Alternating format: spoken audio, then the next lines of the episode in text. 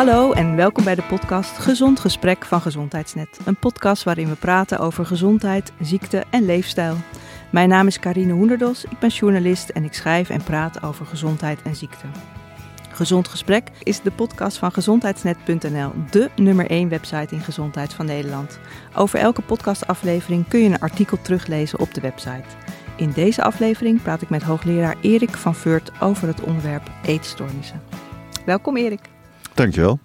Leuk dat je er bent. Ik ben ook heel vereerd dat je hier bent, want je bent echt een, nou, een hotshot op dit gebied uh, van eetstoornissen. Dat is vleierij, hè? Dat is vleierij, maar zo beginnen we. Dan kan het altijd nog uh, tegenvallen. Maar misschien kun je iets vertellen over, over wat je allemaal doet op het gebied van de eetstoornissen. Oh jeetje. Um, ja, waar zal ik eens beginnen?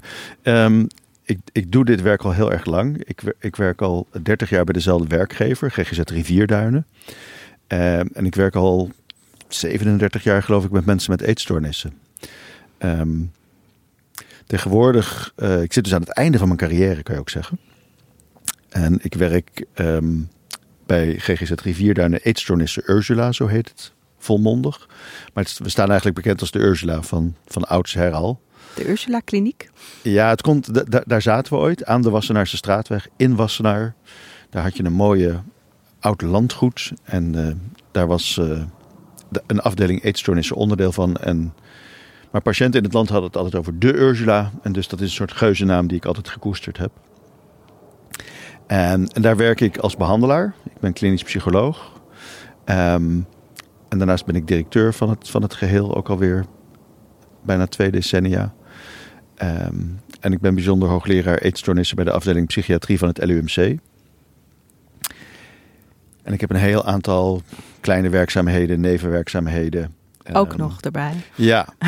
ik heb net uh, uh, mijn voorzitterschap van de Raad van Toezicht van Karakter, Kinder- en Jeugdpsychiatrie, afgesloten na een, uh, twee ambtstermijnen. Nou, zo heet het niet helemaal, maar um, dat is acht jaar.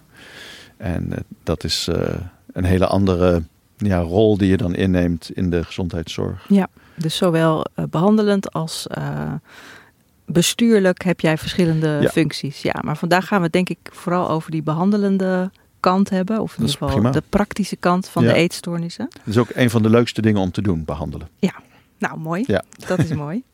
Nou, nou zijn er natuurlijk heel veel verschillende eetstoornissen. En nou, op het gevaar af dat, dat je de, het handboek voor de psychiatrie gaat samenvatten. Maar zou je kort gezegd kunnen zeggen welke eetstoornissen er zijn voor de mensen die er niet zo thuis in zijn?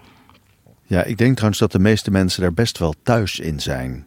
Dus laat ik beginnen met um, te zeggen dat we het hebben over psychiatrische eetstoornissen. En tegenwoordig, je kan heel veel dingen een eetprobleem of een eetstoornis noemen. Maar we hebben het echt over een kleine groep, een relatief kleine groep mensen. Uh, wel, als je ze allemaal bij elkaar opstelt, is het ook nog heel veel. De grootste groep daarvan zijn mensen met een eetbuisstoornis. En dat wat is dat? Dat zijn mensen die uh, oncontroleerbaar hele grote hoeveelheden voedsel verorberen in korte tijd. Um, en soms meerdere keren op een dag.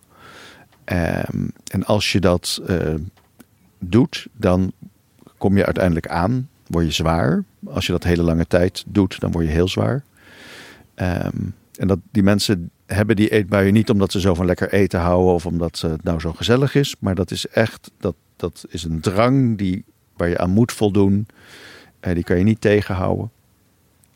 Um, en dit is de meest voorkomende eetstoornis? Ja, ja. Naar, naar schatting 1% van de bevolking, mannen en vrouwen samen, um, hebben in hun leven een keer een periode van meerdere maanden uh, nou, last van deze symptomen, om het zo te noemen, van die hele grote eetbuien.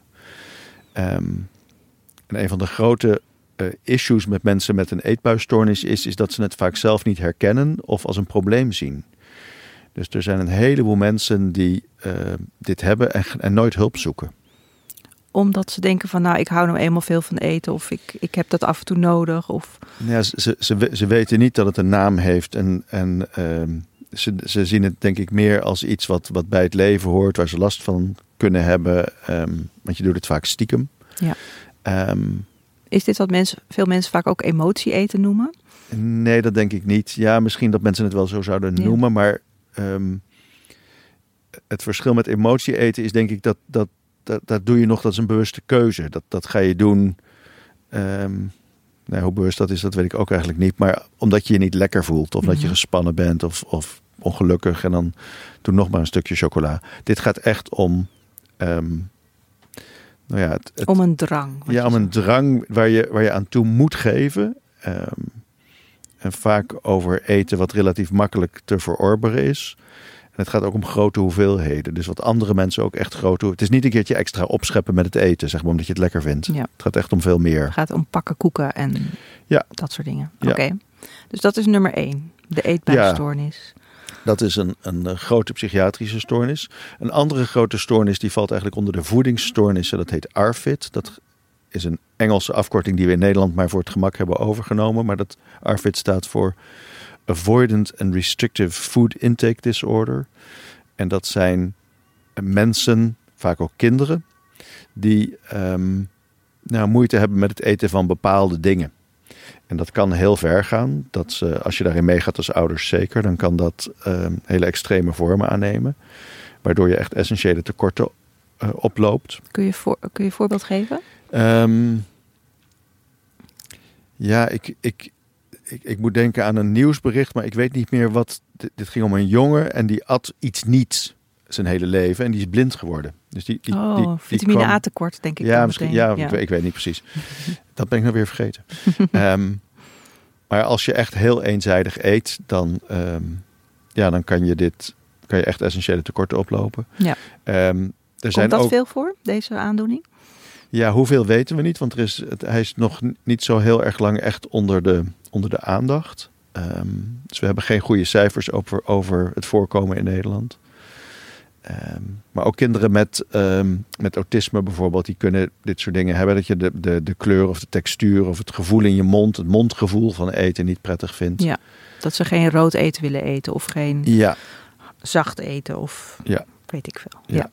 Oké, dus dat, dat, kan best twee. heel ver gaan. Ja, Dat is de tweede grote groep. De derde grote groep is de groep met bulimia nervosa. Ehm, en die lijkt op de groep met een eetbuisstoornis, omdat dat mensen zijn die ook grote eetbuien hebben, die zo'n drang hebben waar ze aan eh, moeten toegeven. Eh, maar mensen met bulimia nervosa, die doen ook aan wat wij compensatoire gedrag noemen. Als je heel veel eetbuien hebt, dan word je steeds zwaarder. En dat willen mensen met bulimia nervosa niet. Die willen eigenlijk ook dun zijn. En dus ga je, eh, doe je of aan, wil je die, die verorberde calorieën wil je weer kwijt door zelf opgewekt braken of laxeermiddelen misbruiken of door heel veel te bewegen of te vasten. dus dan wisselen perioden van vasten zich af met eetbuien Ja. of na een eetbui Ja. eh, wordt er ge- overgegeven of eh, ja, oké. Dat is nummer drie. Ik denk dat die de wat bekender is. groep, Ik denk dat die wat bekender is dan die eetbuisstoornis en ARFID. ja dat klopt. Ja. Ja. En de, de kleinste groep is de groep met anorexia nervosa. Ja. En dat is ook meteen de meest bekende stoornis, omdat de media eigenlijk altijd alleen aan deze groep aandacht besteden. Maar qua omvang landelijk en wereldwijd is het de kleinste groep. Ja. En dat zijn de, de groep die zich kenmerkt door, ehm, simpel gezegd, want dat is echt simpel gezegd, ehm, ik voel me dik, ik wil graag dun worden en ik ga daardoor heel weinig eten. En ik stel mijn streefgewicht steeds verder naar beneden bij. En ehm, wat is nou het gemeenschappelijk kenmerk van deze aandoeningen? Of is dat er überhaupt? Ja, dat is een goede vraag. Is er een gemeenschappelijk kenmerk van al deze aandoeningen? Dat weet ik eigenlijk niet. Ik denk wel dat er, ehm, waar we het eigenlijk het meeste van af weten, zijn mensen met anorexia nervosa en bulimia nervosa. Ehm, daar zie je ook de grootste ehm, nou ja, verloop in. Er zijn mensen met anorexia nervosa die ontwikkelen bulimia nervosa en vice versa.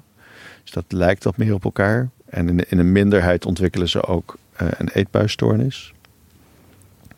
Ehm, wat een grote gemeenschappelijke deler is, zeker tussen mensen met anorexia nervosa en bulimia nervosa, is angst. Eh, je zou kunnen zeggen dat ehm, er een, de, de angstthermostaat van mensen met anorexia en bulimia nervosa net iets anders staat afgesteld dan van de meeste mensen. Ehm, en misschien is dat wel iets waar ze mee geboren zijn. En als je net iets angstiger bent, dan beleef je de hele wereld anders. Dan, ehm, ja, dan kijk je anders naar dingen om je heen. Je bent waakzamer, want je ervaart sneller gevaar. Ehm, dus je, je, je let goed op. Eh, je bent vaak schrikachtiger eh, van harde geluiden bijvoorbeeld. Eh, en je gaat ehm, ook, nou, je zoekt naar compensatie, je zoekt naar manieren om die angst op te heffen. Bijvoorbeeld door je streefniveau hoog te leggen en hoge cijfer, goede cijfers te halen. Ehm, of door je sociaal wat meer terug te trekken. Um, en, uh, of door heel hard te sporten en niet te eten. Ja, heel, heel, hard, heel hard sporten of daar heel goed in worden of daar heel erg uh, obsessief in worden. Dat, dat kan ook een soort focus geven.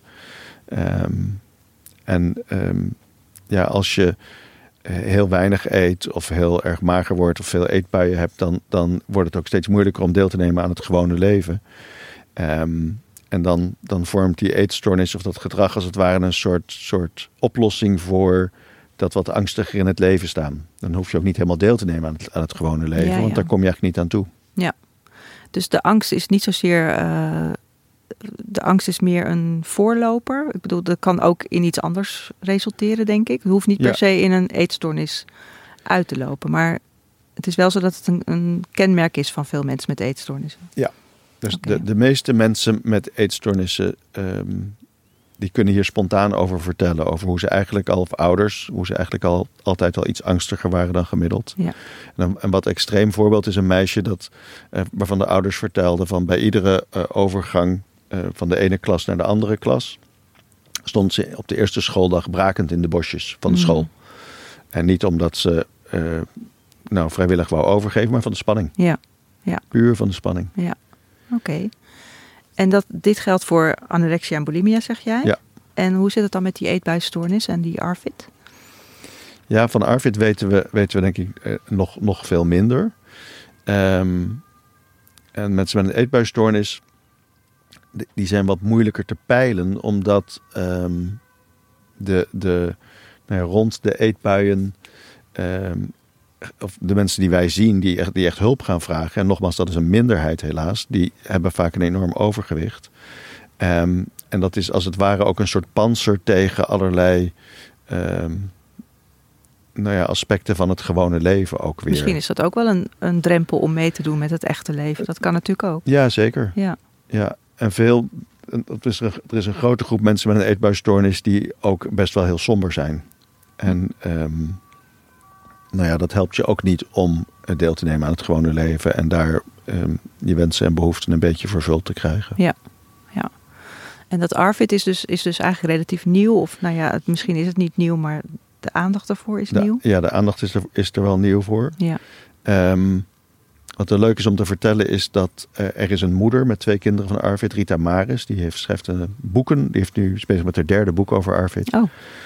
Um, en die, die, uh, nou, die, die kan heel goed uitleggen over eh, wat ARFID is en wat voor effect het heeft. En uh, um, het, het, is mooi om te zien dat, dat ook dat soort activisme, zou je ook kunnen zeggen, van een ervaringsdeskundige moeder, echt bijdraagt aan de bekendheid van, ja. uh, van de stoornis. Ja. Maar het is niet per se een ziekte die alleen bij kinderen voorkomt. Nee. Nee. nee. Er zijn ook volwassenen met deze Er zijn ook volwassenen, maar het begint wel vaak op de kindertijd. Ja. In de kindertijd. Oké. Jij zegt van uh, een eetstoornis kan ook een manier zijn om, om je eigenlijk een beetje terug te trekken van het leven. Mhm. En hoe ziet het leven eruit als je een eetstoornis hebt? Hoe, hoe ziet dat? Ja, hoe werkt dat? Ja, dat, dat, is, ehm, dat kan heel verschillend zijn. Ik heb vanochtend een, een intake gesuperviseerd van een vrouw die uh, begin 40 was en sinds haar vijftiende uh, een eetstoornis heeft. Zo. Dat is, en was dit de eerste keer dat ze een intake... Uh... Nee, ze had al, al uh, veel vaker behandeling gehad. Waaronder uh, een jaar of vijftien geleden ook al bij ons. Um, ze heeft wel meerdere behandelingen achter de rug. Maar inmiddels al 26, 27 jaar een eetstoornis. Um, en ik vroeg haar dus ook van, ja, hoe, hoe, hoe besteed je je dag? Ja, ik doe niet zoveel. ik zit een beetje op de bank en ik klets wat met mijn moeder.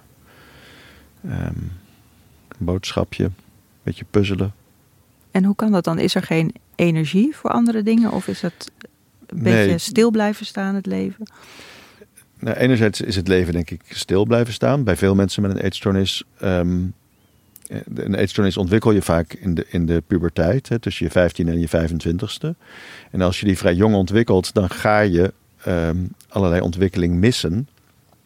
Simpelweg omdat je nou ja, uh, gepreoccupeerd bent met, met, met eten, gewicht, uiterlijk, vasten.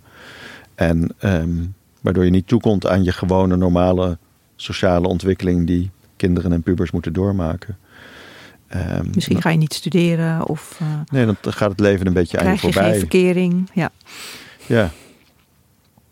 Ja, en, en, en, zo, en als dat heel lang duurt, dan. Als dat heel lang duurt, haal je dat ook niet meer in. Nee. En het gaat vaak, zeker bij mensen die zo'n heel langdurig al een eetstoornis hebben, om mensen die, die ook heel eenzaam zijn. Um, veel vriendschappen gaan verloren, nooit een relatie gehad. Ja. Geen kinderen. Um, maar ook op jonge leeftijd zie je vaak wel dat, dat um, als je van je twaalfde tot je uh, negentiende een eetstoornis hebt, zeven jaar lang, dan mis je de hele normale ontwikkeling tijdens je middelbare schooltijd. Ja. En dat kan je wel weer inhalen. Um, maar dat, dat voelt natuurlijk naar. Dat is, dat, dan heb je ook het gevoel dat je een beetje op een achterstand staat. En dat je ja, een aantal dingen gewoon echt gemist hebt. Ja. Je vriendinnen beginnen dan met, uh, hebben dan al uh, een aantal verkeringen gehad. En dat wordt misschien wat serieuzer. En jij moet misschien nog voor het eerst verliefd worden. Om maar iets te noemen. Ja, ja precies. En, en praktisch gezien, een eetstoornis hebben. Uh wat, wat houdt het praktisch gezien in? Zijn, wat, wat bedoel je met praktisch? Nou ja, uh, zijn ze de hele tijd aan het sporten of zijn ze de hele tijd aan het nadenken over wat, wat ze gaan eten? Of zo bedoel ik het. En, en, en een eetstoornis, um, en dan heb ik het met name weer over anorexia, bulimia en, en de eetbuisstoornis, die, um, ja, die consumeert je, zou ik haast zeggen. En die, die neemt je gedachten helemaal over. Dus je. Um, veel mensen met een eetstoornis die als je, als je vraagt van hoeveel tijd, hoeveel procent van de tijd, van je wakende tijd, besteed je nou aan het denken aan eten, uiterlijk gewicht, maar zeker aan eten, dan is dat, zeggen ze, bijna allemaal meer dan 80% van de dag. Zo. Dan moet je je voorstellen dat je meer dan 80% van de dag aan één ding denkt. Ja, dan um, blijft er weinig over. Er blijft weinig over, ja. Er blijft weinig tijd over. Um, en het zijn ook niet, het zijn geen leuke gedachten. Het is, wat, wat heb ik net gegeten? Oh jee, dat was te veel.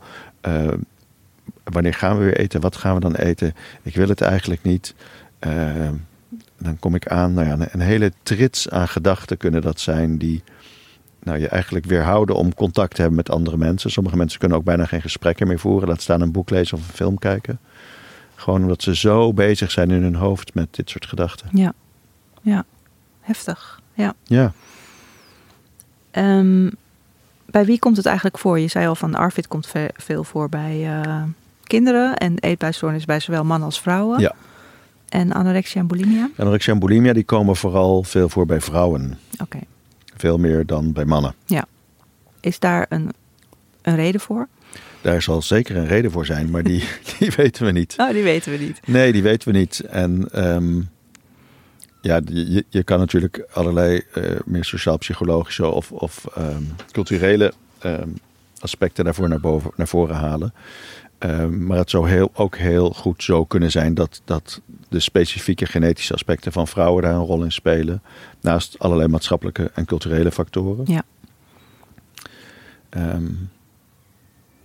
Sowieso weten we nog niet zoveel over de oorzaken van eetstoornissen. Nee, dat zou ik net gaan vragen. Wat zijn eigenlijk de oorzaken van die eetstoornissen? Dat snap ik. Ja, ja nou, als je. Um, ik denk dat, dat de, de, de gedachte, de moderne gedachte in de psychiatrie tegenwoordig is dat je voor het ontwikkelen van uh, bijvoorbeeld uh, eetstoornissen uh, een genetische kwetsbaarheid moet hebben.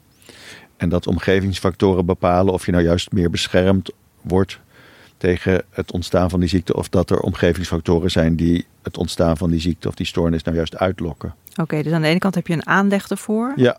En aan de andere kant speelt de omgeving dan een rol. Ja, en wat zowel zijn in de beschermende kant als aan de uitlokkende kant. Wat zijn uitlokkende factoren voor een eetstoornis bijvoorbeeld? Nou, een belangrijke uitlokkende factor voor een eetstoornis is uh, lijnen. Ja, ja. Dus minder gaan eten. Ja. En een, een andere belangrijke uh, factor die vaak een rol speelt. Heel veel vrouwen hebben helaas uh, hele nare ervaringen doorstaan, vaak uh, nare seksuele ervaringen doorstaan. En dat verstoort uh, niet alleen je zelfbeeld, maar ook je biologie. En dat is ook een, een meer algemene risicofactor voor het ontstaan van psychiatrische problematiek. Maar wij zien het bij mensen met eetstoornissen heel veel terug. Ja, oké. Ja. En die genetische factoren zijn ook interessant. Er werd, er werd ooit gedacht, simpel gedacht over genetica. Het, het gen voor bipolaire stoornis is gevonden. Herinner ik me nog een krantenkop. Mm -hmm. um, tegenwoordig denken we dat er tientallen, misschien wel honderden genen ieder een hele kleine bijdrage leveren aan die kwetsbaarheid. En voor zover de stand van wetenschap nu is, lijkt het erop dat dat allemaal bij elkaar opgeteld ook nog um, nou ja, relatief weinig verklaart van, het hele, van de hele kwetsbaarheid. We zijn nog, nog erg op zoek naar um, wat speelt er nou aan die genetische kant een rol. En dat doen we vooral internationaal, in internationale consortia omdat je uh, hele grote aantallen patiënten dan moet gaan vergelijken met controles. Ja. Om daar um, een beetje zicht te krijgen op wat voor genen zouden mogelijk een rol kunnen spelen. Ja. En wat je noemde net over die, uh, dat de, de angst wat strakker is afgesteld, zeg maar. Is dat ook een genetische Ja, misschien factor? wel, dat weten we niet. Nee. Um, wat, je, wat je nu ziet bij de grootste studio, studies die gaan met name over anorexia nervosa, omdat dat het, het nou, het best gedefinieerde en meest herkenbare uh, psychiatrische eetstoornis is. Daar zie je dat er drie groepen genen een, een, grote rol lijken te spelen. En dat zijn psychiatrische genen die voor meer psychiatrische stoornissen gelden. Dat zijn metabole genen, die gaan met name over stofwisseling. En dat zijn auto-immuungenen, die meer gaan over je, je hele uh, je afweer en je auto-immuunsysteem. En met name dat laatste hadden we helemaal niet verwacht nee. dat dat eruit zou komen. Dus um, we gaan wat steeds meer leren ook over van, nou, wat, hoe ziet die kwetsbaarheid er nou uit? Ja, ja, we hebben hier wel vaker, of we hebben hier een aflevering gehad over het effect van de darmen op de geest. Ja. En dat zou dus eventueel ook nog een effect kunnen zijn. Ja, daar doen we ook onderzoek naar. Mm -hmm. En dat, dat is uh, natuurlijk bij mensen die uh, eetstoornissen hebben sowieso interessant, want die gaan heel eenzijdig of anders Ja. eten of heel weinig eten. En dat beïnvloedt de samenstelling van je darmflora. Ja. Van de beestjes die in je, in je darmen leven. En um, het zou wel eens zo kunnen zijn dat uh, als dat heel erg verandert, dat dat uh, ook weer invloed heeft op, op je brein. Ja. Uh, de, de, Nou, volgens mij is dat gewoon zo, toch? Dat dat effect ja, ik ben, ik ben Je heel voorzichtig. voor- voorzichtig als wetenschapper. Ja. Um, er wordt wel gesproken van ja, je buik is je tweede brein. Um, uh, ja, ik denk steeds van het, het, het menselijke organisme is in miljarden jaren geëvolueerd.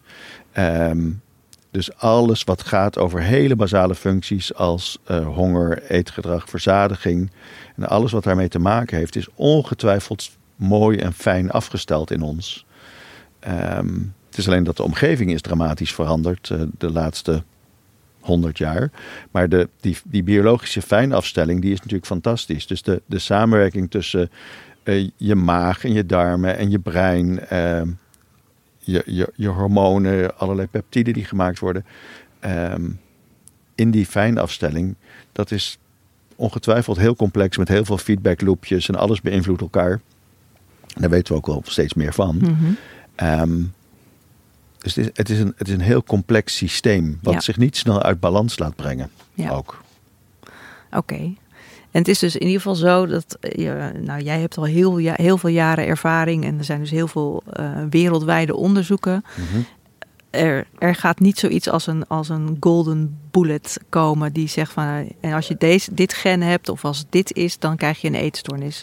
Het is Nee, waarschijnlijk nou, veel. Zeker, er gaat zeker niet zoiets komen als, als dit gen is het anorexia-gen. Dat Mhm. gaat zeker niet gebeuren. Nee.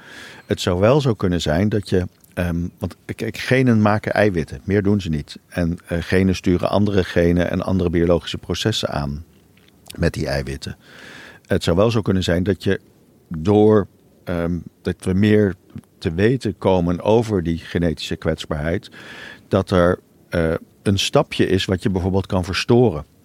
Waardoor die, die ziekte niet ontstaat. Bijvoorbeeld Ehm, dat je, je vindt een stapje waar je een medicijn kan maken wat daarop aangrijpt, wat voorkomt of juist stimuleert dat dat eiwit gemaakt wordt. Ja, die hoop heb jij nog, dat er zoiets nou, ontstaat. ik ga dat vast niet meer meemaken, maar eh, ik denk wel dat dat, dat dat de belofte is van eh, de, de reden waarom ik ook in genetisch onderzoek wil investeren.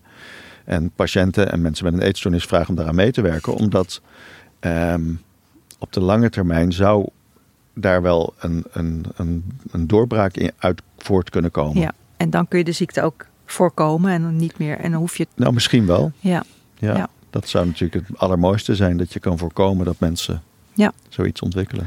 En als je het hebt over de oorzaak van de eetstoornis, dan denken ook heel veel mensen: ja, dat komt door onze maatschappij, door de lijn, door de aandacht Ja. voor lijnen en de dieetcultuur en de body shaming als je, als Ja. je overgewicht hebt. Ja, fatshaming. Ja. Fat shaming, hoe zit dat?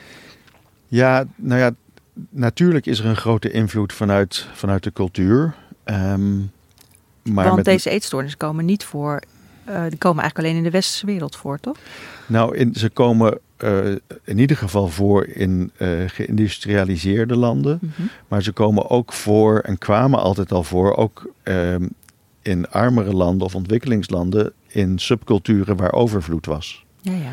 Dus ehm, je kan psychiatrie en cultuur ook helemaal niet uit elkaar trekken. Dat is heel moeilijk. Maar ik herinner me, ehm, in het begin van de jaren tachtig was er een collega uit Cairo en die in Egypte. En die kon precies vertellen oh, dat eh, nou, in heel Egypte kwamen eetstoornissen, voor zover bekend, heel weinig voor.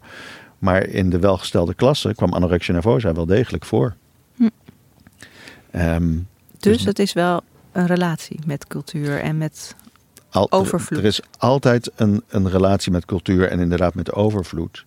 Maar die, ook die overvloed die bestaat pas heel kort. Ehm 100, het is pas sinds 100 jaar dat de gemiddelde arbeider in Engeland voldoende eh, calorieën dagelijks binnenkrijgt. Dus, ehm, en 100 jaar is natuurlijk niks Nee. op de menselijke evolutie. Dus wij, wij zijn als biologisch organisme misschien wel veel beter gebouwd voor, ehm, voor honger en voor tekort, relatief tekort, dan voor de overvloed waar we nu, ons nu in bevinden. Ja. En betekent dit ook dat eetstoornissen dus ook jonger zijn dan 100 jaar? Ehm, nou, die zijn ongeveer. Anorexia nervosa werd eh, eh, eind 19e eeuw, iets over de helft van de 19e eeuw bes- beschreven. Dus Ja. ehm, Het loopt een beetje gelijk op. ja, het loopt wel een beetje gelijk op. Ja. Ja. Oké. Ehm, laten we het eens hebben over de behandeling, want dat is jouw vak. Eh, hoe, Ook, ja. ook. hoe, hoe wordt een eetstoornis behandeld? Ehm, bij jou in het ziekenhuis of Ja. Ehm, ja, waar wil je dat ik begin? Want het is, dat is een heel groot onderwerp. Ehm, beha- behandeling is. laat ik het zo zeggen. Beha- eh, er zijn voor, eh, met name voor bulimia nervosa en voor mensen met eetbuisstoornissen, zijn goede, eh, onderzochte ehm, en op bewijs gebaseerde behandelingen beschikbaar. En dat gaat met name om eh, psychotherapeutische behandelingen. Die duren ongeveer een half jaar, soms iets langer. Ehm, en daarmee wordt de, de meerderheid, als je op groepsniveau kijkt, van de mensen, die hebben daarna geen eetbuien meer. Wat is precies een psychotherapeutische behandeling? Wat houdt dat precies in? Psychotherapeutische behandeling, dat zijn in Nederland ook vaak groepsbehandelingen. eh, in het buitenland vaak individueel, waarbij je met een groep mensen met dezelfde problematiek en een geschoolde eh, GZ-psycholoog of klinisch psycholoog ehm, een uur lang of soms iets langer op een hele specifieke, vaak geprotocoleerde manier werkt aan eh, je problemen. En dat gaat bij eetstoornissen gaat dat deels over eten en over het opbouwen van een eh, regelmatig en gezond voedingspatroon. En anderzijds gaat het vaak over gedachten. Over hoe je, eh, we hadden het- we hadden het al eerder over de, de stem in je hoofd, hoe je de gedachten, ehm, nou, hoe je anders kan gaan leren denken of die gedachten kan gaan uitdagen. Ehm, en cognitieve gedragstherapie is de, de meest onderzochte therapie en ook daarmee de meest aangeboden therapie voor individuen. Ja. En een andere behandeling die met name voor kinderen en jongeren, maar ook voor jongvolwassenen eh, goed, relatief goed werkt, is een aanpak waarbij het gezin heel nauw betrokken is. Dus waarbij je met naasten gaat werken en gaat kijken hoe je met elkaar eh, de samenwerking met degene met de eetstoornis kan bevorderen, maar ook met elkaar ehm, kan kijken hoe je nou de, de symptomen kan helpen oplossen. Ja. Oké, dus die twee vormen van therapie die zijn goed onderzocht en Ja. die, die werken goed. Hoe Ja. goed werkt het? Ja, dat is, dat is ook relatief. Ik vind dat we heel bescheiden moeten zijn. eh, sowieso in de psychiatrie, maar zeker als het gaat over de behandeling van eetstoornissen. Ehm, als je over wat langere termijn kijkt, dan, dan is net iets meer van, dan, van de helft van de mensen met bulimia nervosa of een eetbuisstoornis, die is symptoomvrij. En dat betekent dat ze niet meer die klachten hebben. Dat betekent niet noodzakelijkerwijs dat ze veel gelukkiger zijn of dat het veel beter met ze gaat. Hè. Er is meer in het leven dan alleen maar de, de klachten die je hebt. Ja. Ehm, het is wel zo dat, dat hoe eerder je erbij bent en hoe jonger de patiënten zijn, eh, hoe beter het beloop. Dus voor kinderen en jongeren met anorexia nervosa is, de, is het beloop, ehm, er wordt een veel groter percentage eh, beter dan als je dat, de, als de, de mevrouw die ik eerder aanhaalde, die Ja. al 28 jaar eh, of- een eetstoornis heeft. Ja, ja. En kan een, kan een eetstoornis ook chronisch worden? Jazeker. Ja. Ja, en, en er is best wel een grote groep, eh, als je over langere termijnen en grote groepen kijkt, die dat helaas krijgt. En ongeveer 1 op de 5 mensen ontwikkelt een chronische eetstoornis. Ehm, en anorexia nervosa met name is ook de, de stoornis met de hoogste mortaliteit. Daar gaan de meeste mensen aan dood. En dat is op de hele lange termijn is dat, is dat ook ongeveer 10 procent. En hoe komt dat? Komt dat door omdat ze zo mager zijn en, en lichamelijk daar veel van te lijden hebben? Of Deels. d- dat, dat, ja, de, de, de gevolgen van extreme vermagering kunnen een rol spelen. Ehm, maar het, het maakt mensen ook heel wanhopig. Dus ehm, dat, het leidt ook tot zelfdoding. hm, Eh, dat is een ander veel voorkomend, eh, eh, nou sowieso zelfdodingsgedachte, maar ook het uitvoeren is een, komt relatief veel voor. dus, ja, bij ongeveer 50% heb je resultaat. Is dat Ja. iets... ehm, ja, misschien vind je dat een vervelende vraag, maar ik bedoel, je werkt 40 jaar met deze mensen en dit, Ja. is, dit is het resultaat. Is het, is het genoeg of is het, eh, zou je, ja, natuurlijk zou je iedereen beter willen Ja, maken, nee, het is nooit ik. genoeg natuurlijk. Nee. Nee, het, het is En wat niet maakt genoeg. het zo moeilijk om het te behandelen dan? Ehm, nou, met, met, met name. Kijk, mensen, mensen die eetbuien hebben, die hebben daar last van. Die willen daarvan af. En ehm, dat, is, dat is ook relatief goed te behandelen. Ehm, mensen met anorexia nervosa eh, is dat veel moeilijker, omdat die. ehm, nou ja, als ze iets gaan veranderen aan hun gewicht. ehm, eh, als ze meer gaan eten, dan kom je aan. En dan, gewichtsherstel is een belangrijkste eerste stap. Let wel, eerste, niet laatste Mhm. dan, dan neemt die angst toe. Ja. En veel mensen ervaren eh, hun gedachten als een soort stem. En die, die vinden het eh, heel erg moeilijk om daar tegenin te gaan. En daar blijvend tegenin te gaan. En dat kan ik me ook voorstellen. Dat lijkt me ook heel erg moeilijk. Ja. Maar dat is wel... Dus voor de buitenwereld denk, lijkt het dan van, oh, ze- hij of zij is weer aangekomen in gewicht. Ja, Het is voorbij, maar eigenlijk begint het dan pas. eigenlijk begint het dan pas. Ja. Ja, eigenlijk begint... ehm, het is heel moeilijk om mensen eh, met een ondergewicht of een extreem ondergewicht... om die te helpen om die moedige stappen te zetten om te werken aan gewichtsherstel. Maar als dat lukt en je, je, ehm, nou, je, je bent herstellende qua gewicht, dan neemt eh, de angst voor het gewone leven vaak toe. eh, of komen er andere nare dingen naar boven. En dan begint de behandeling pas echt. Dus ik heb het tegenwoordig ook eh, over voorliggende problemen in plaats van achterliggende problemen. En de voorliggende problemen, dat zijn de problemen die je tegenkomt en waar je hulp bij kan krijgen. die je tegenkomt als je beter wordt. Ja. Dus als je herstellende bent, dan openbaart het gewone leven zich steeds meer. En dan loop je tegen dingen aan. En daar heb je natuurlijk hulp bij nodig. Oké, Dus praten over wat er achter je ligt is soms belangrijk als het gaat als er hele nare dingen gebeurd zijn. Ehm, maar eigenlijk moet je werken aan de toekomst. nou duidelijk. En, en hoe lang duurt gemiddeld zo'n behandeling? Ja, dat is moeilijk te zeggen. Eh, De meeste behandelingen duren jaren. Jaren. Ja, ja ook, ook een, een ver- vergeef me relatief simpele anorexia nervosa. eh, behandeling ben je vaak al ja, een paar jaar mee bezig. En wat maakt dat jij het zo leuk vindt om deze groep te behandelen? Ehm, ja, eigenlijk, eigenlijk een, een, een paar dingen. Ehm, het eerste is dat ik er nog steeds niets van begrijp. Ja. En dat, dat is extreem uitdagend. Ehm, en daarnaast treft het eh, jonge vrouwen. Eh, ik ben eh, opgegroeid in de tweede feministische golf en daarmee doodgegooid qua literatuur. Ik, ik vind als je je hele leven voor je hebt, als je 15, 16 bent en je ontwikkelt dan zoiets heftigs als, een, als anorexia nervosa of een eetbuisstoornis, um, wat zoveel gevolgen heeft voor de rest van je leven, dan is dat, ehm, ja, dan is dat heel moeilijk om dat aan te zien. En ehm, als je daarvan af kan komen, dan is de gezondheidswinst voor de rest van je leven is zo gigantisch groot. Dat geeft jou voldoening als je dat dan. Uh... Nou, dat, dat vind ik wel iets wat heel erg uh, motiveert. Ja, iedereen die, die je kan helpen om zo snel mogelijk weer van die eetstoornis af te komen, dat, is, dat is, geeft een enorme winst voor het individu, voor de naaste, voor de maatschappij. Ja. En, en vanuit een feministisch perspectief eh, is ook wel eens, wel eens geopperd. En daar kan ik me ook wel iets bij voorstellen. Van als anorexia nervosa nou een jongens, echt, echte jongensziekte was. Mhm. Dan ging er veel meer onderzoeksgeld naartoe. is dat, eh, denk je ook dat dat zo is?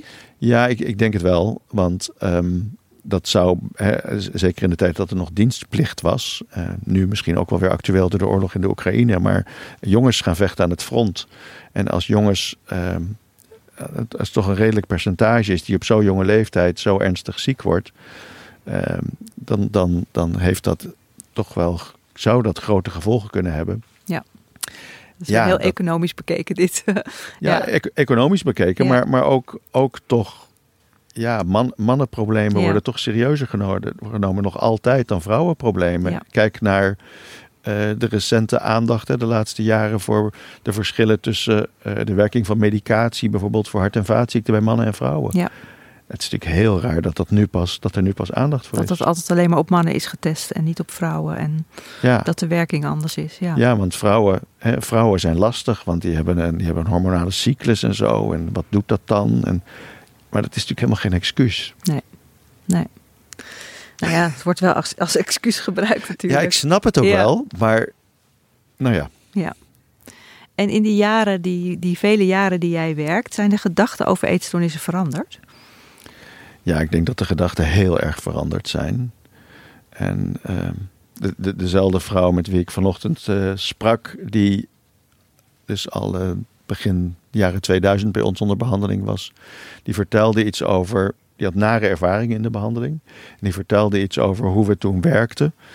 Ehm, ik, en ik kon me niet eens herinneren dat we precies zo werkten. Ik werkte toen ook niet in dat onderdeel waar zij was van de kliniek. Ehm, maar we zijn, ehm, als je dat over de afgelopen 40, 50 jaar bekijkt, zijn we veel meer uh, naast mensen gaan staan. Uh, vroeger was er een veel gedragsmatiger straf- en beloonsysteem. In het begin was het zelfs zo dat, dat kinderen, jongeren met anorexia nervosa, die werden tussen aanleidingstekens opgesloten in een, op een kamer en die mochten hun weg naar buiten eten. Die verdienden privileges met aankomen. Hun weg naar buiten eten. Ja. ja. Nou ja, dus als zo, ze gingen zie je eten, dat kreeg... voor je. Hè? Ja. Van, van ja, dan, als je, als je uh, voldoende aankwam, dan kreeg je bezoek. Of dan mocht je de telefoon uh, gebruiken. Of kreeg je post. Mm. Of mocht je televisie kijken. Um, en daar, daar kijk ik wel met afschuwen, denk ik, daaraan terug dat, uh, dat dat gebeurd is. Um, nu proberen we veel meer. Um, nou, zeker de, de, de, de, patiënten die wij bij de Ursula zien, zijn over het algemeen niet. De mensen die pas heel kort een, een stoornis hebben, soms ook wel, want we hebben ook een hele grote groep kinderen en jongeren die we behandelen. Maar als het, als het wat langer bestaat en wat complexer is, dan proberen we heel goed na te denken met elkaar, met naasten en patiënt van wat is er nou precies aan de hand, wat is er geprobeerd, hoe komt het dat je er niet van afkomt, wat is nog meer aan de hand en hoe kunnen we zoveel mogelijk behandeling op maat maken met elkaar. Ja. ja. Met haalbare doelen, stapje voor stapje, liefst ook met andere collega-behandelaren als dat nodig en wenselijk is samen. Dus het is vriendelijker geworden? Het is veel vriendelijker Naast geworden. Naast de patiënt gaan staan en niet dwang en uh, straf. Nee. Ja. Oké, en, en is, er ook anders gaan, is, is men ook anders gaan denken over de oorzaken of de omgevingen? Of... Ja, ik denk, ik denk dat ehm, de, de, de, de, het samenspel tussen genetische kwetsbaarheid en omgeving, wat ik net beschreef, dat, Ja. dat, dat die gedachte hebben we denk ik al een hele tijd. Maar als je een jaar of zestig teruggaat, dan was de gedachte toch nog meer dat ehm, het, het gezin bijvoorbeeld een rol zou spelen in het ontstaan van een eetstoornis. Ja. Nou, dat hebben we De al heel- moeder vooral volgens mij. Ja, en dat speelde in de hele psychiatrie. De schizofrenogene moeder had je ook. Ehm, en dat speelde bij eetstoornissen ook. Eh, Er waren allerlei stereotypen over. Ehm, maar dat is in, in, in goed onderzoek echt weerlegd. Er zijn gezinnen veroorzaken geen eetstoornissen. Nee, nee. Eh, Het is nog, altijd wij- een combinatie van en de aanleg en, de, Ja, en misschien En- ook wel een deel het gezin, maar er zijn Nou ja, er veel meer er factoren. gebeurt natuurlijk heel veel in een, in een gezin. Maar eh, heel veel ehm, dingen die er in gezinnen gebeuren zijn vooral ook heel beschermend. Hè? De meeste dingen zijn natuurlijk ook gewoon liefdevol en ondersteunend. Ja, ja zoals als zo'n kind met ARFID, dan dat, dat ontstaat natuurlijk ook. eh, of de reactie van de ouders is dan natuurlijk ook beschermend. Van ik wil hem toch wat eten geven, Ja. dus geef hem maar wat anders. Ja, of als je kind iets angstiger is dan gemiddeld of dan de andere kinderen, dan, dan probeer je als ouders. eh, Ouders hebben eh, bijna altijd de beste bedoelingen. Ja. En dan probeer je zo'n kind te beschermen of te helpen om daarmee om te gaan. En ehm, dat is moeilijk. Ja. Dat is niet makkelijk om. om je wil je kinderen graag beschermen tegen teleurstelling. Terwijl als je een stapje terug doet, dan zeg je van ja, maar kinderen moeten ook leren om om te gaan met teleurstellingen. Want als je, dat, als je niet kan omgaan met teleurstellingen, oh jee. Ja. Hoe gaat dat dan? Bij de eerste beste teleurstelling val je Ja, in een gat. Ja, je ziet het soms aan kinderen die heel goed kunnen leren. ehm, op de middelbare school. En die gaan dan een moeilijke studie doen. En dan komen ze op de universiteit. En dan zitten allemaal van die bollebozen. En dan zakken ze voor hun eerste tentamen. Ja. Ja, hallo, dat zijn ze nog nooit. Hebben ze nog nooit meegemaakt. Ja. Die moet plotseling gaan leren. We hebben, het hier, we hebben het hier natuurlijk over eetstoornissen. En ik denk dat heel veel mensen inderdaad meteen denken dan aan anorexia of... Of, eh nou, Of aan bulimie. obesitas, daar wordt ook heel veel aan gedacht. Hè? Overgewicht. Ja. Dat wordt ook heel vaak als een eetstoornis gezien. Ja, En dat is het niet. nee. Maar eh, obesitas dat ontstaat door een eetbuisstoornis. Dat, Ja, precies. maar dan is het een eetbuisstoornis, ja. Ja, dan is het Want er zijn natuurlijk, eh, dat bedoel ik, er zijn natuurlijk best wel veel eetstoornissen die een beetje eh, verborgen blijven. Hè? Want jij zegt, sommige mensen met eetbuisstoornis weten niet eens dat ze die stoornis hebben. Of Nou, dat, dat is sowieso ehm, een probleem. Ik denk met heel, voor heel veel psychiatrische stoornissen, maar eh, zeker voor eetstoornissen, is dat de, meer, de meeste mensen met een eetstoornis, die krijgen geen behandeling, die zoeken geen behandeling. ja, En bij mensen met een eetbuisstoornis komt dat vaak omdat ze niet weten dat er behandeling is voor het probleem of dat het een probleem is. Als je gewoon, ja, zo is mijn gedrag, dan als er niemand thuis is, dan plunder ik de koelkast. ja. ja. Ehm, maar stel dat je naar luistert naar deze podcast en je denkt, oh ja, ik ben zo'n koelkastplunderaar. ja. Wanneer moet je dan actie ondernemen?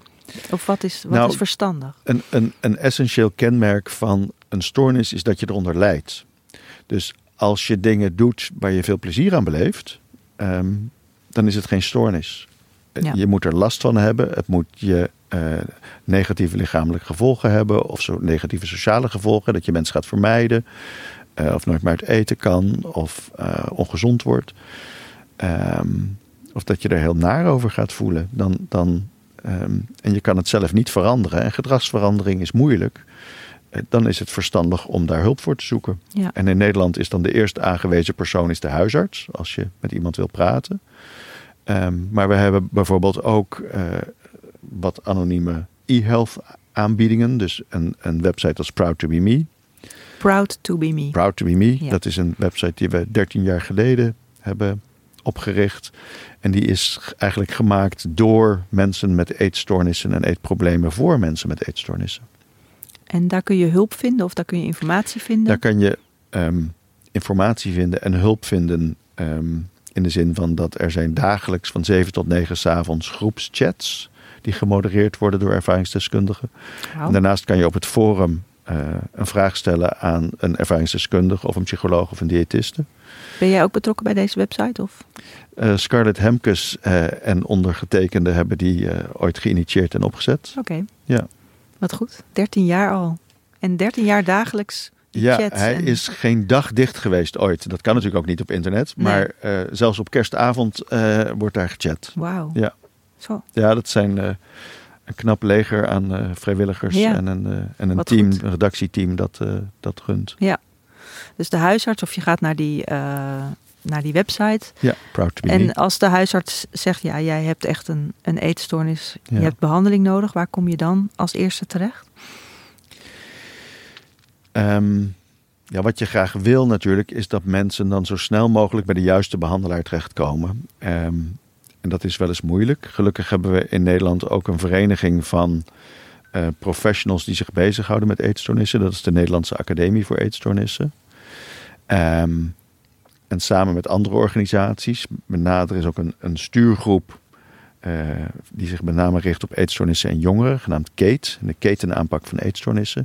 Die hebben ook een, een, eh, weer een, een website opgericht met, de- met de sociale kaart van alle eetstoornisbehandelaren. Eh, oh, daar kan je op kijken. en daar kan je op kijken. En volgens mij heet dat eetstoornis.net. Nou, dat kan ik wel even opzoeken en in Ja. de show notes zetten. Dat, ja. ja. moet in de show notes, want dat weet ik nou even niet uit mijn hoofd. Nee. Ehm, maar ja, Nederland, Nederland heeft ehm, heel veel hulpverlening, gespecialiseerde hulpverlening voor mensen met eetstoornissen. Er zijn 28 instellingen aangesloten bij die Nederlandse Academie voor Eetstoornissen. En die bieden over het algemeen ambulante of polyklinische hulp. En een aantal hebben ook ehm, meer intensieve behandeling, zoals een dagbehandeling of een kliniek. En die zijn ook nog goed verspreid door het land. Ja, dus er is hulp. Zijn er wachtlijsten? Er zijn wachtlijsten. Ja, er is een, er is een grote vraag eh, vanuit de maatschappij voor, voor hulp. Ehm, waarvan je zeggen van dat is raar, want een heleboel mensen krijgen geen hulp. Maar dat, dat, dat is ook zo. Een heleboel mensen eh, zoeken dat helaas niet. Maar er zijn, er zijn wachtlijsten. Ehm, met name voor de intensievere behandelingen. En ehm, nou, dat is niet alleen een probleem voor mensen met eetstoornissen, maar dat is een probleem wat in de hele geestelijke gezondheidszorg op dit Ja. moment speelt. Eh, en dat heeft met name te maken ook met toch met de vergrijzing, eh, met een, met een eh, dat- ja, er zijn minder mensen die in de zorg willen werken. En dat speelt ons meteen parten. Wij hebben Ja. allerlei vacatures die we Ja. heel graag zouden willen opvullen. Oké. Nou, niet oké, maar Nee, dat is, zo dat is de situatie. Nou, ja. het, is, het, is, het, is, echt zorgwekkend. ja. Ehm, zeker omdat ehm, de, de vergrijzing gaat alleen maar toenemen. Ehm, er zijn ook minder mensen die in grotere geïntegreerde instellingen willen werken. Het werken met mensen met eetstoornissen is eh, heel erg leuk, maar ook zwaar. Het is emotioneel zwaar. Ja. Je, moet, je moet een lange adem hebben, je moet goed opgeleid worden. Ehm, en dat vinden veel mensen. Het is niet voor iedereen weggelegd. Dus de, de, nou ja, Wat dat betreft is de nood wel hoog eigenlijk. ja, de nood is wel hoog. En, en met, ik vind ook dat het, dat het ons als professionals dwingt om na te denken over hoe maken we de zorg nou toekomstbestendig. Ja, ja. En dat betekent, eh, wat mij betreft, dat we, en dat doen we ook vanuit de stuurgroep Kate, eh, heel erg werken aan, eh, met name aan het veel sneller opsporen met elkaar van, ehm, van beginnende eetstoornissen. Ja. Hoe eerder je erbij bent. Ik zie liever iemand die drie maanden een beetje met eten aan het klooien is op weg naar een eetstoornis, dan die dat drie jaar heeft. Ja, ja. En, en stel, je hebt in, stel je luistert hiernaar en je denkt, ja, mijn dochter of mijn vriendin, die zie ik klooien met eten. Ja. Of ik vermoed dat die altijd heel snel naar de wc rent na het eten. Ja. Wat moet je dan doen? Het erover gaan hebben. Natuurlijk. Dat Ja. is altijd stap één. Hè. Ga, spreek je zorgen uit, je bezorgdheid met, bij die persoon. Ga erover praten. En hoe Ehm. doe je dat? Want die persoon zit daar waarschijnlijk niet op te wachten. Of misschien wel. Ja. Ja, ehm, nou ja, zelfs als iemand de, de problemen ontkent, is het stellen van de vraag en je bezorgdheid uiten al heel belangrijk. En zeggen, wat kan ik voor je doen? Of ehm, ik kom er nog eens op terug. Ehm, het is niet de bedoeling dat je je hulp of je zorg natuurlijk iemand door de strot duwt. ehm, om die beeldspraak te gebruiken. Maar ehm, we, we weten ook van mensen die eh, hele nare eh, ervaringen hebben doorstaan, dat het stellen van de vraag heel belangrijk is. Ja. En het is aan, aan de ontvanger om, nou, hoe, hoe hij of zij daarmee omgaat, Ehm, maar stel vooral de vraag, loop er niet voor weg, word, ben er niet bang voor, maar zeg goh, ik maak me zorgen om je. Ik vind dat je heel weinig eet of, of nou ja. Ik zie dat je afvalt of, uh, ja. ja. of dat je Ja. heel veel Is er iets aan de hand? Ja. Ja. Ja. Is dat sport eigenlijk wel goed voor je? Vind je het eigenlijk wel leuk of doe je het omdat het moet? Ja. Dat is, dat is natuurlijk altijd belangrijk. En jij het komt zegt natuurlijk ook veel voor in studentenhuizen. hè. Dat is dat ik, ik was uitgenodigd door eh, de Groningse studentenvereniging Vindicat. Om tijdens hun ontgroening hebben we het een uur gehad over eetstoornissen. Hmm, Met 300 eerstejaars. dat is goed. Ja, goed hè? Ja, ja. Ja. Dus Doet hebben- vind ik dat toch nog iets goed. Denk ik dan nu. Sorry. Ik denk dat, dat eh, studentenverenigingen en Vindicat ook eh, goede dingen doen. Ja, precies. voor hun eerstejaars. En, en kijk, een van de mooie dingen aan, aan zo'n organisatie als Vindicat is dat die hebben allemaal van die huizen en daar zitten allemaal stu gelijkgezinde studenten. Ja. En ik krijg regelmatig telefoontjes ehm, van ouders, maar ook wel eens van studenten die via mijn kinderen bijvoorbeeld. Van eh, pap, eh, dat en dat huis maken ze zich zorgen over iemand, want die uit zich heel suicidaal of die eet heel raar. Wat moeten we doen? Ja, wat goed. Ja. Ja, Dus dat ja, er gebeuren ook goede dingen ja. in de, in de sociale context van, eh, van zo'n vereniging. natuurlijk, natuurlijk. Ja. Oké. ehm, zijn er nog dingen waarvan jij zegt, nou, dit wil ik echt nog even melden aan mensen die luisteren over eetstoornissen? Dit vind ik belangrijk. Ehm, nou, ik denk dat er heel veel al eh, langsgekomen is. Ehm, We hebben het nog niet zoveel gehad over de lichamelijke gevolgen van eetstoornissen. Maar... Nee, maar die, ja, die zijn er natuurlijk heel, heel veel. En wa- wat, wat, het, wat het lichaam vooral natuurlijk doet, is zich aanpassen aan de omstandigheden. Dus bijna alles wat je ziet bij mensen met bulimia nervosa of met anorexia nervosa is een aanpassing aan ehm, de ondervoeding. Ja. En dat herstelt zich gelukkig ook meestal weer. Je bedoelt dat, het, dat de stof, bijvoorbeeld bij anorexia, dat de stofwisseling omlaag gaat. Of dat er. Ja, of dat je het, heel, dat je het koud krijgt Ja. en je, je hartfrequentie gaat omlaag. Ehm, je krijgt donshaartjes, op je armen. Donshaartjes. Ja. Maar ook iets als botontkalking eh, ontstaat natuurlijk als je veel te weinig of veel eenzijdig eet. Ja, ja. En ook dat lijkt zich wel te herstellen, maar dat duurt jaren en jaren. Ja. Ehm, en het ligt ook een beetje aan de leeftijd waarop je dat krijgt. Dus. Ja. Nee, ik denk dat, dat mijn belangrijkste boodschap zou zijn... ehm, toch als je je zorgen maakt, neem je zorgen serieus. Ga naar Proud to Me, ga kijken, eh, ga lezen erover. Ehm, denk niet, het gaat vanzelf wel over. Want dat is niet altijd zo. Eh, vaak misschien niet. Ehm, en zoek, zoek hulp, ja. ja. Neem mensen in vertrouwen.